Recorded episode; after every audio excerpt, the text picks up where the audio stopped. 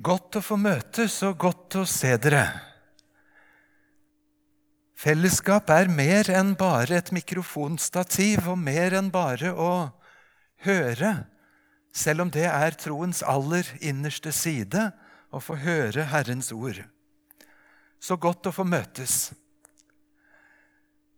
Det er blitt mange alternative løsninger. Og så fint å se at kjærlighet oppfinnsom gjør. Det gjelder både i samfunn og i familieliv, og det gjelder jammen i misjon og kirke. Så mye fint vi har å takke for, og så mye som har lagt seg til rette på tross av mye vanskelig. Og mange har hørt, og mange har respondert på så mange måter. For egen del så fikk jeg ha noen korte andakter som skulle sendes gjennom Facebook på I tro til de unge. Og det ble spilt inn sånn i all enkelhet. Og på tre dager så var det 6600 som hadde vært inne og hørt min lille tale. Det er mange mennesker. Kanskje er det også noen som mer enn ellers søker etter å få høre noe fra Gud, når så mange andre kanaler stanser opp og det blir litt stillere. Når det gjelder søndagene her i misjonssalen, så var det tanken fra styrets side å gjøre en liten justering på prekentekstene, slik at istedenfor de ordinære søndagstekstene så skulle det være tekster fra apostlenes gjerninger om de første kristne. Det ligger jo veldig nær uansett det som er søndagens tekster fra påske til pinse. Og Nå ble det ikke noe av akkurat det opplegget de fleste ganger. Men jeg ble bedt om å likevel ta en tekst fra apostelgjerningene 1 i dag. Det er bare tre dager siden Kristi himmelfartsdag. Og teksten er de versene som kommer umiddelbart etterpå. Hva skjedde i de ti dagene etter Kristi himmelfart og før pinse? Det fortelles ganske kort om det, noen små vers i apostelgjerningene 1. Og Vi skal lese de tre versene 12 14 i Jesu navn. Da vendte de tilbake til Jerusalem fra den høyden som heter Oljeberget, og som ligger nær Jerusalem, bare en sabbatsreise unna.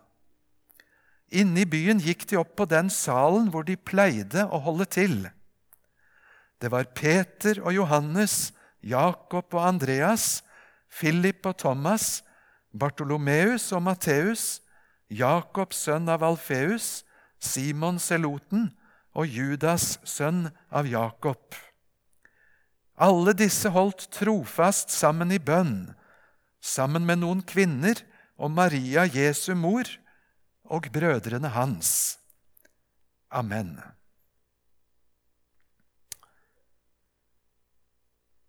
Det var kanskje en kort tekst til å fylle de ti viktige dagene fra Jesus for opp til himmelen og frem mot pinsedag.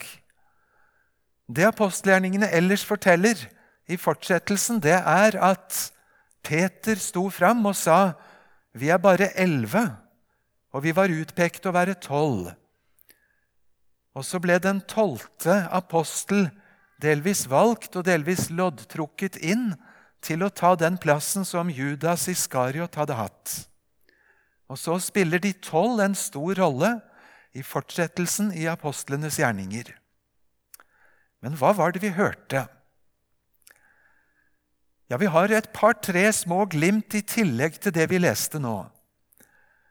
Når Lukas som altså skrev apostlenes gjerninger, når han avsluttet sitt evangelium i kapittel 24, så skriver han at Jesus lovte at Den hellige ånd skulle komme. Og Han lovte det, og han påbød dem og sa, 'Dere skal bli i byen til dere blir ikledd kraft fra det høye.' Til dere blir ikledd kraft fra det høye. Det er ikke så veldig mange ganger i Bibelen at apostlene bes om å sitte helt stille. Som regel så sender Herren dem ut. Og det er også Kirkens og misjonens vilkår. Ikke å parkere, men å gå derfor ut og gjøre mennesker til hans folkeslag. Men i disse ti dagene så er ordren veldig spesifikk. Bli her. Ikke forlat Jerusalem, men sitt her og vent på kraften fra det høye, på løftet jeg har gitt dere. Og Når apostelgjerningene begynner i kapittel 1, så får vi på en måte hentet opp tråden. Der står det så fint i vers 4 at en gang da Jesus spiste sammen med sine apostler For det gjorde han. Jesus sto ikke opp igjen bare som et spøkelse eller som en ånd. Men han sto legemlig opp igjen. Og i flere tekster er det et poeng at han spiser sammen med dem og de fikk til og med lov til å se og kjenne dette er den virkelige Jesus. En gang da de altså spiste, så står det uttrykkelig Dere skal ikke forlate Jerusalem, men vente på det som Far har lovt. Og så taler han om dåpen med ånd, ikke bare dåpen med vann som de hadde fått ifra døperen Johannes. Og Derfor så fikk jeg en overskrift når styret satte seg ned og laget program for disse søndagene. Å vente i bønn på Den hellige ånd. Å vente i bønn på Den hellige ånd. Og Da tror jeg tanken var både at vi skulle stanse for disse ti dagene, fra Kristi himmelfart til pinse. Og så tror jeg tanken også var at du og jeg skal finne rom i vårt liv for å vente med forventning til Gud på hva Han vil gjøre for oss, i oss, gjennom oss. At vi har en forventning til Han, og at det hender vi må stanse opp, og det hender vi må vente på Herren. Min generasjon og de som er eldre, vi er vant med et annet uttrykk for dette i de gamle biblene. Der sto det om å bie på Herren. Jeg husker godt som barn og ung, jeg syns det var et pussig ord. Men det kommer jo så mange steder, og særlig i Salmenes bok. Til den urolige David så kommer ofte budskapet fra Gud om at han i ro skulle bie på Herren, vente på Herren. Jeg vet ikke om du har tenkt over det lille ordspillet på norsk. Vente og forvente. Å vente er for mange av oss et negativt uttrykk. Det er dødtid. Vi blir utålmodige og sparker i grusen og er klar for å komme i gang. Forventning har også en vente i ordet, og det har en vente i saken. I den latinske bibelen er dette venteordet oversatt med 'expectare', 'to expect'. Det engelske ordet for å forvente noe. Du sitter ned, men ikke slått til jorden, ikke game over, ikke passivisert, men med blikk i en retning hvor du forventer noe. Luther var en praktisk mann, og han sier jeg har visst lært mer om bønn ifra hunden min enn ifra de fleste andre. For sitter jeg med den minste matbit i hånden, og der sitter hunden, så skal jeg love deg hunden klarer ikke å flytte blikket i noen retning uansett hva som skjer. Det er kun én ting i blikket på den hunden. Den ser hen til matbiten og venter på at den skal bli hans forventning. Når jeg tas fra dere, så er dere ikke foreldreløse. Da er det ikke slutt. Da er det ikke sånn som for noen uker siden, da dere sa til hverandre 'Jeg går for å fiske'. Da blir jeg med deg. Og så var de plutselig sju stykker på fisketur. Tilbake til sitt gamle yrke, men den natten fikk de ingenting. Ikke før Jesus kom på stranden, møtte dem, ba dem kaste garna på andre siden, Og så skjedde underet i de tomme garna som Herren fylte. Og så er det ikke game over, ikke svart skjerm. Takk for nå. Ikke rastløs prøve å bearbeide hva som gikk galt, men blikket mot det løftet ifra Herren. Og hvilken forvandling det ble! Jeg tror det er noe på TV som heter Ekstrem forvandling. Og Her skulle de laga noen episoder. På påskedagskvelden så klarte ikke ti apostler å overtale én Thomas om at Jesus var stått opp. Og så kommer pinsen. Og så kan én Peter overtale 3000 til å la seg døpe samme dag. Hva er forskjellen? Når Herren har sendt over dere kraft fra det høye, det som Han har lovet. De tomme hendene som sitter og venter, de tomme garna i svart hav, som Herren er mektig til å fylle. Jeg måtte gå gjennom litt bibelhistorie og se på dem som måtte vente litt. Den første jeg tenkte på, det var Jakob, som skulle få lov å gifte seg med Rakel. Han gikk sprengforelsket i syv år. Og så blir han lurt av svigerfar med storesøster. Og Så blir de gjennom en ny deal hvor han skal jobbe i syv år til for å få Rakel. Og i glede og forventning så var det som om de syv årene bare var noen få dager, står det. Vi får ofte se det på Fjellhaug. Unge forelskede som teller ned til bryllupsdagen. Jeg hadde besøk av en i går som skal stå brudgom om ganske få dager. Jeg skal love deg forventning. En gammel skikk på Fjellhaug at 150 dager før bryllupsdagen så leser de to unge Salme 150, og dagen etter 149, og så er det 148. Og så teller de ned. Forventning, glede. Ikke game over. Vi venter på at det skal skje. Og så er det noen som må vente. Og av de som måtte vente riktig lenge, så var det noen som ble bortført fra hjemlandet sitt. Jerusalem ble brent og tempelet revet, og Nebukadnesar tok med seg folket i fangenskap til Babylon. Der går de en uke og to uker og tre uker og småtripper og spør når skal vi komme tilbake igjen, omgitt av mange falske profeter som sa det skal skje hurtig, ganske snart. Men Herren talte gjennom en annen profet som var blitt igjen i Jerusalem. Han het Jeremia. Har Gud glemt dere? Nei, hør ordet fra Herren. Jeg vet hvilke tanker jeg har for dere. Ikke ulykkestanker, men fremtid og håp. Herren så dem der de var bortført.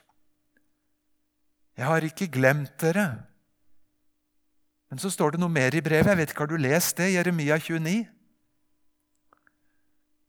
Om 70 år skal dere få vende tilbake hit. Så i mellomtiden plant dere hager og bygg dere hus. La barna deres gifte seg. Og be for den byen som har bortført dere som slaver og som krigsfanger. For når det går den byen vel, så går det dere vel. Jeg vet hvilke tanker jeg har for dere.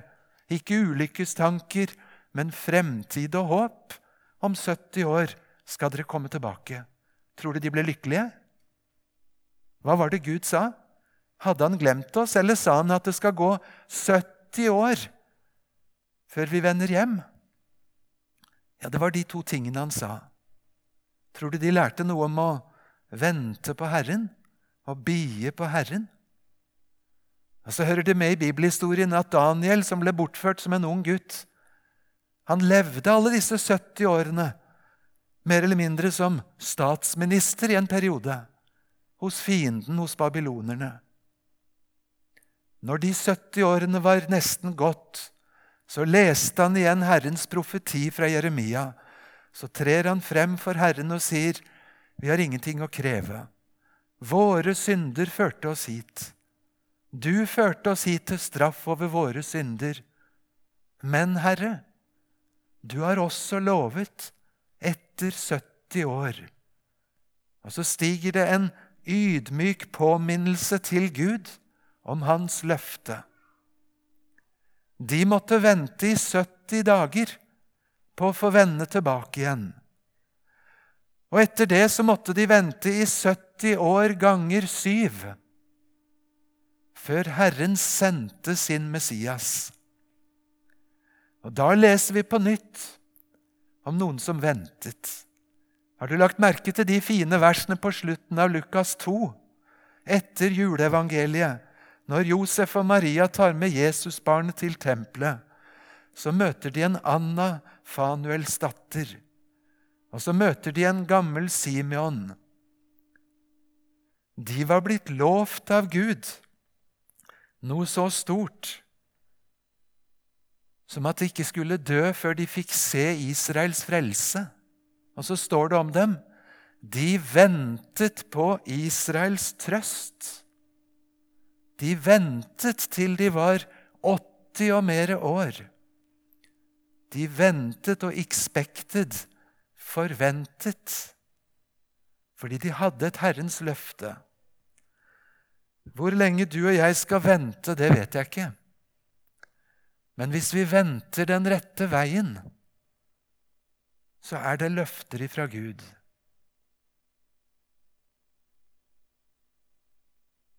Og så har denne uken vært spesiell for mange av oss også med det at Egil Grandhagen døde, som mange her kjente godt. Og så ble det sendt et veldig sterkt program med ham hvor han fortalte også om troskampen som han har hatt innenfor Gud med sykdommen.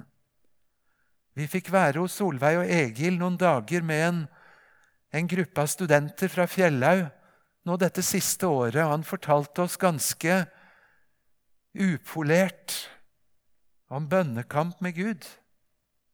Og Kanskje er det flere enn meg som husker mest det korteste svaret i hele programmet. Da Per Arne Dahl spurte hva svarte Gud da? Og så sa Egil ingenting. Ingenting. Har du glemt meg, Herre? Men så la også Egil til ikke da. Men så så han et bønnesvar i andre ting som hadde fått lagt seg til rette nå mot slutten av livet. Det er ganger når det å vente krever det vi ikke syns vi makter. Har du glemt meg, Herre? Jeg skal aldri glemme noen få linjer jeg leste om en forfulgt kristen i Nordøst-Afrika som for troens skyld ble låst inne i en container uten et streif av lys. Uten noe toalett uten sosial kontakt, uten trøst, uten hjelp. Et øyeblikk en gang om dagen at noen kaster litt mat inn og spør om hun var klar til å fornekte troen. Har du glemt meg, Herre? Så er det enkelt for meg å stå her og snakke om å vente på Herren, som på en måte har fått oppleve Herrens nåde så rikelig og konkret. Og så skal du og jeg tenke noen ganger til på dem som sitter innelåst i en container. I tropesol i 40 graders hete. Uten noen ytre trøst. Og be om at Herren må være til stede hos dem. Men så er det mer å si til denne teksten.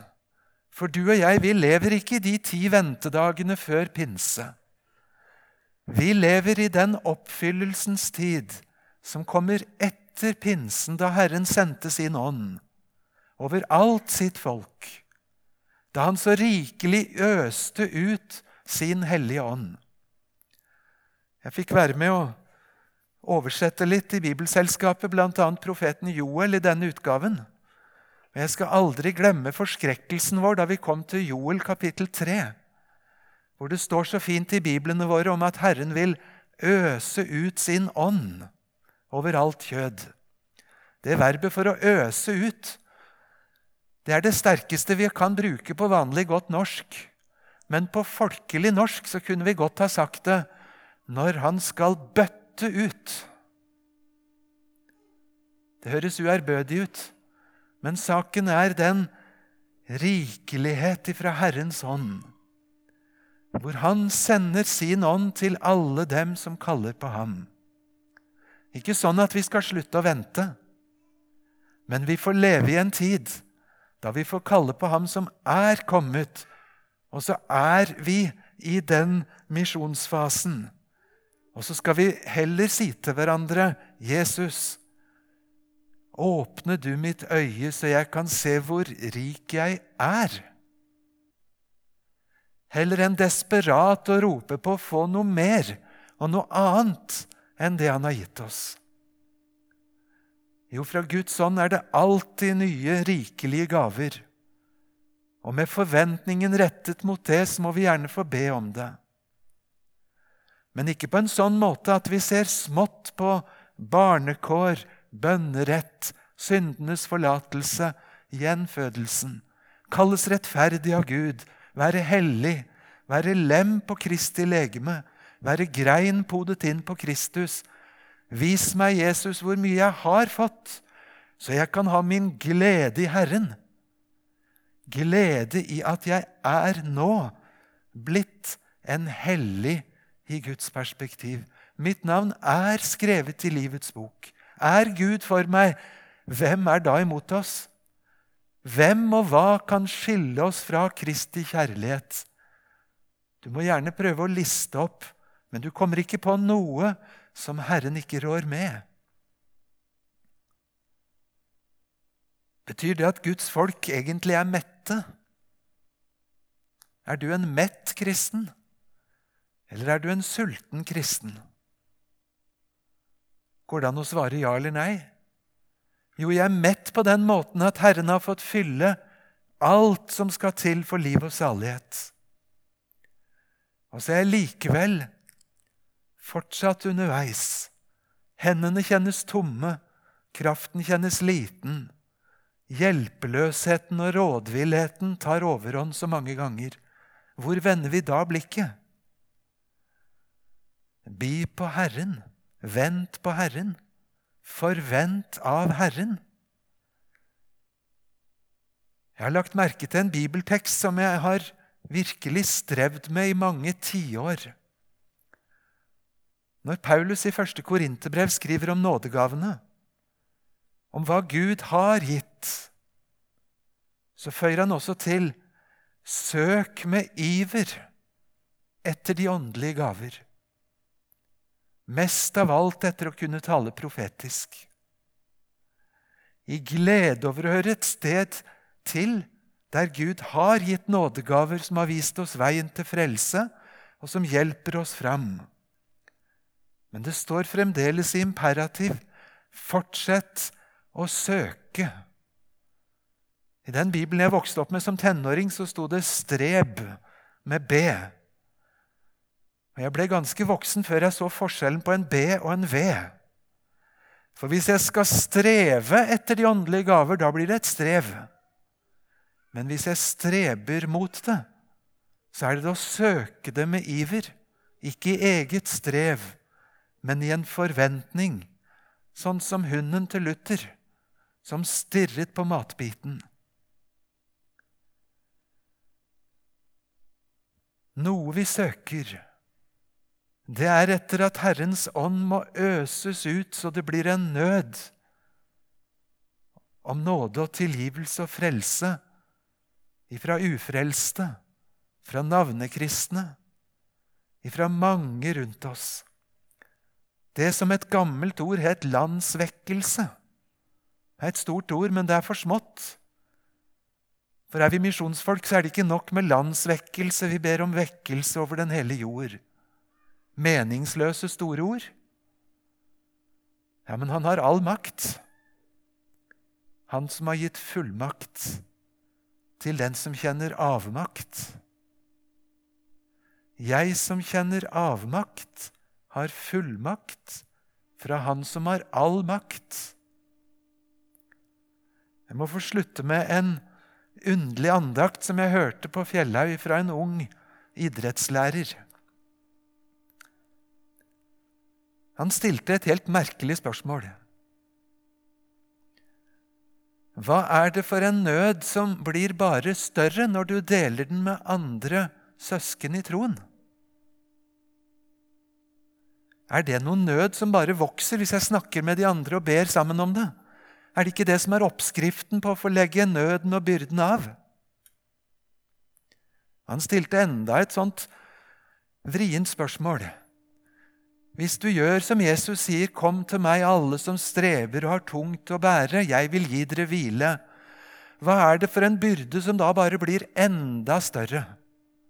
I alle dager, hva tenker du på nå, måtte jeg spørre meg selv. Han satte det på spissen for tredje gang og sa, 'Hvis det virkelig er en nød for deg, så du sliter med å leve med den', så tror jeg det verste stedet du kan gå med den, er til Jesus. Den blir garantert ikke mindre, men bare større. Hva i all verden for en nød og byrde er det?